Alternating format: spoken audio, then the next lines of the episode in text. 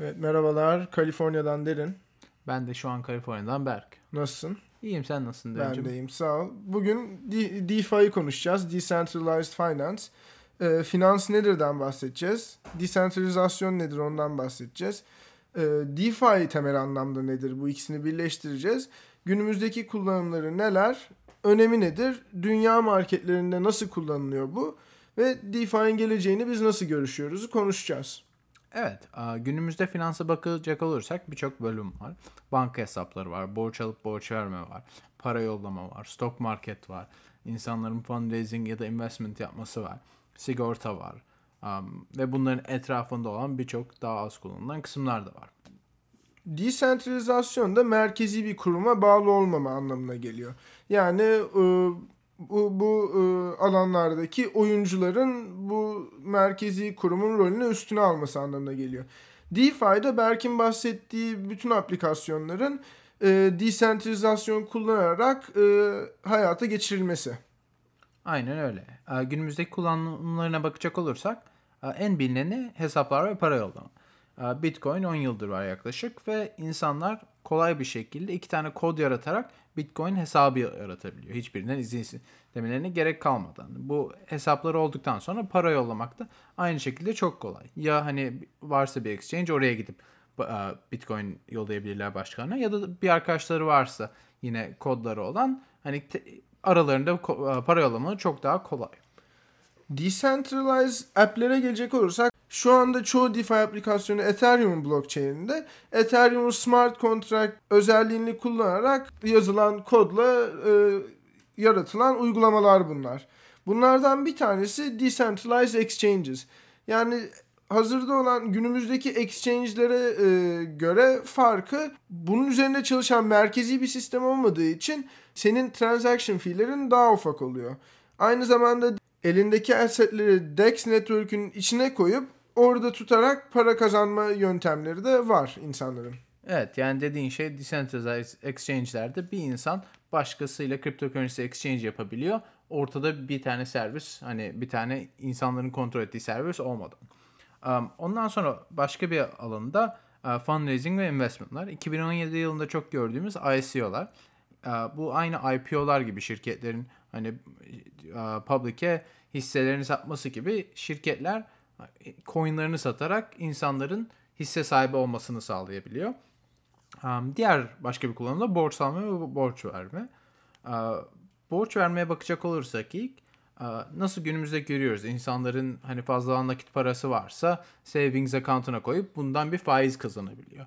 Aynı şekilde kripto dünyasına bakacak olursak insanların elinde tuttuğu kriptoları bir, bir tane hani decentralized application kullanarak savings account türünde bir yere koyup bunun üzerinden faiz alabilmeleri ve uh, borç verme işlemini sağlıyor. Yani bu centralized uh, pardon, decentralized application'a cryptocurrency yolluyorlar. Bundan faiz kazanıyorlar. Bu ortadaki application'da başka insanlara borç verebiliyor. Aynı şekilde borç almaya bakacak olursak da borç almanın günümüzdeki kripto dünyasındaki yöntemi bir insanın elinde cryptocurrency varsa bunu collateral olarak verip hep başka hani uh, sabit coin dediğimiz coinlardan alabiliyor. Um, Stablecoin. stable coinlardan alabiliyor. Stable coin'de biraz anlatacak olursak stable coin'lar gü- gerçek hayatta olan bir asset'e peglenmiş bir coin. Mesela uh, diyebiliriz ki ben bir cryptocurrency yarattım. Bu dolara pegged. Yani her bir dolar için bir tane Berk token. Peki bunu nasıl sağlıyorsun? Bu peg etme işini nasıl sabitleyebiliyorsun? Evet birkaç yöntem var. Bu gerçek hayatta olan assetlerden olabilir. Yani her ben bir tane cryptocurrency yarattığımda bir insanın bana 1 dolar verip benim bu 1 doları bir banka hesabına tutmam gerekebilir. Aynı şekilde altınla çalışabilir dolar gibi. Ya da a, cryptocurrency kullanarak olabilir. Diyebilirsin ki "Ha, bu ben hani günümüzde Ether'in dolara olan fiyatına göre her yeni bir cryptocurrency yarattığım zaman ben o dolar kadar Ether alıp bir yerde saklayacağım diyebilirsin. Son olarak da algoritmik olarak yapabilirsin. Yani insan hani diyelim 1 dolara peklemek istiyorsun cryptocurrency'ni. Fiyatı artmaya başladıkça sen a, markete daha çok supply getirerek bu fiyatı düşmesini sağlayabilirsin. Ya da tam tersine azalmaya başladığı zaman biraz supply çekerek arttırabilirsin. Bunun terminolojisi de Automated Market Maker, AMM olarak görülebilir. Evet. Borçlanmada da sen olan kripto currency'ni stake ediyorsun. O sırada onu yapınca sana sana stable bir coin verir. Bu stable coin'i kullanarak hani gerçek hayatta borcun neyse ödeyebiliyorsun. Bunun dünya marketlerinde kullanım alanlarına bahsedecek olursak 3. dünya ülkelerinde hiperinflasyon görülebiliyor birçok yerde. Hiperinflasyon dediğin şey de kısa bir süre içinde senin paranın değerinin e, çok fazla düşmesi anlamına geliyor. Yani sen Venezuela'da 5 birime süt alabiliyorken şu anda 500 veya 5000 birime süt alabiliyor hale geliyorsun. Bunun üzerine bunu önlemek için devletler e, başka para birimlerinin ülkelerinde kullanılmasını yasaklıyorlar. Bu da kara borsaların oluşmasına sebep oluyor ve kara borsalarda dış dünyanın e, kurları kara borsanın içinde olduğundan çok daha fazla değer kazanıyor. Çünkü talep zaten çok az. Bu ülkelerde e, decentralized finance sistemlerini kullanmak çok cazip duruyor. Çünkü interneti blok etmek imkansız bu noktada. İnternetten ne geçişini blok edebilirsin. VPN kullanarak bunun arkasından dolaşabilirsin. Yani insanların paralarını bir yerde saklıyor olmaları lazım ve Üçüncü dünya ülkelerinde hiperinflasyon yaşandığı zaman insanlar decentralized finance sistemlerine yöneliyorlar otomatik olarak. Evet bu da çok önemli. Yani bakarsak hani blockchain sayesinde hani sentral bir kontrol yok. İnsanlar hata yapabilir. Özellikle çok fazla kuvveti insanların hat- gördüğümüz gibi hata yapma olasılığı yükseliyor. Bu çoğu insan bu kontrolü başkalarına vermek istemiyor ve hani bu durumda gördüğümüz gibi koda daha çok güveniyor. Çünkü değiştirilemez.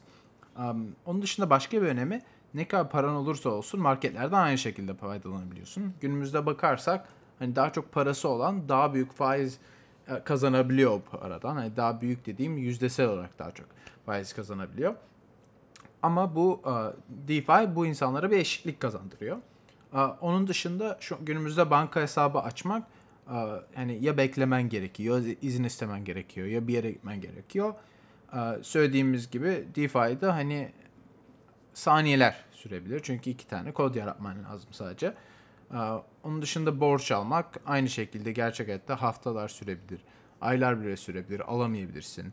Hani DeFi dünyasında hani collateral olacak kadar kriptokörnüsün varsa yani o tranşı geçtikten sonra borç almak saniyeler sürüyor. Başka bir de önemli kısmı da governance by token denilen kısmı. Bu da insanlar hisse satın alıp bu decentralized aplikasyonun nasıl çalışacağı konusunda oylamaya katılabiliyor. Bunu şu anda gerçek hayatta stok marketteki hisselerde de görebiliyoruz. Belli hisse türlerinde sen o şirketin yönü konusunda oy verebiliyorsun. Ee, bir insanın bu governance tokenların çoğuna sahip olup o token'ın yönüne karar vermesi için bazı teknikler de uygulanıyor. Evet. Geleceğine bakacak olursak da kullanıcı sayısı ve artışı çok ciddi görebiliyoruz. Ayda %30 artıyor aşağı yukarı ve bunu gördüğümüz en büyük kısım locked para diyebileceğimiz kısım. Yani kripto currency'lerinden borç vermek için ya da hani sen hani faiz kazanabilmek için onu bir yere saklaman gerekiyor. Şu an saklanan para miktarı 50 milyar dolar. 2-3 önce bakacak olursak yaklaşık 20 milyar dolar ve çok hızlı artıyor. Um, onun dışında geleceğine önem katan başka bir şey de dediğimiz gibi Ethereum blockchain'de çalışıyor. Ethereum'da Ethereum 2.0'a geçiyor. Burada şu an o değişikliklere girmeyeceğiz ama büyük değişikliklere sebep olabilir ve tam olarak ne olacağını bilmiyoruz. Bu scalability'yi arttırmak amacıyla yapılıyor bu. Aynen öyle. Ve birçok yeni kullanımını göreceğiz. Çünkü hani sadece kod olarak yaratılan bir organizasyon olduğu için düşünebileceğin her şeyi yaratabilirsin. Kısa bir sürede test edebilirsin. DeFi'nin şu anki adaptasyonu 3. dünya ülkelerinde daha çok yaygın kullanılıyor. Çünkü insanlar ihtiyacı olduğu zaman böyle bir teknolojik değişim yapmaya başlıyorlar. İnovasyonun toplumun alışma hızından daha hızlı ilerlediğinin farkındayız. Ve bununla ilgili pol- gerek politikalar olsun, gerek e, insanların buna bakış açısı, gerek jenerasyonel değişim olsun. DeFi'nin kalıcı olduğunu düşünüyoruz. Ve bu teknolojinin yeni olması bizi şu anda çok heyecanlandırıyor araştırmak için. Şu anda bu teknolojinin içerisinde aktif olarak bulunmuyoruz. Son olarak bu konuyu maalesef Türkiye Curling Milli Takımına bağlayamadık. Ama e, önümüzdeki programlarda tekrardan e, Türkiye Curling Milli Takımında konuşacağız. Dinlediğiniz için teşekkür ederiz. Evet. Dinlediğiniz için teşekkür ederiz. Oldu hadi görüşürüz bay bay.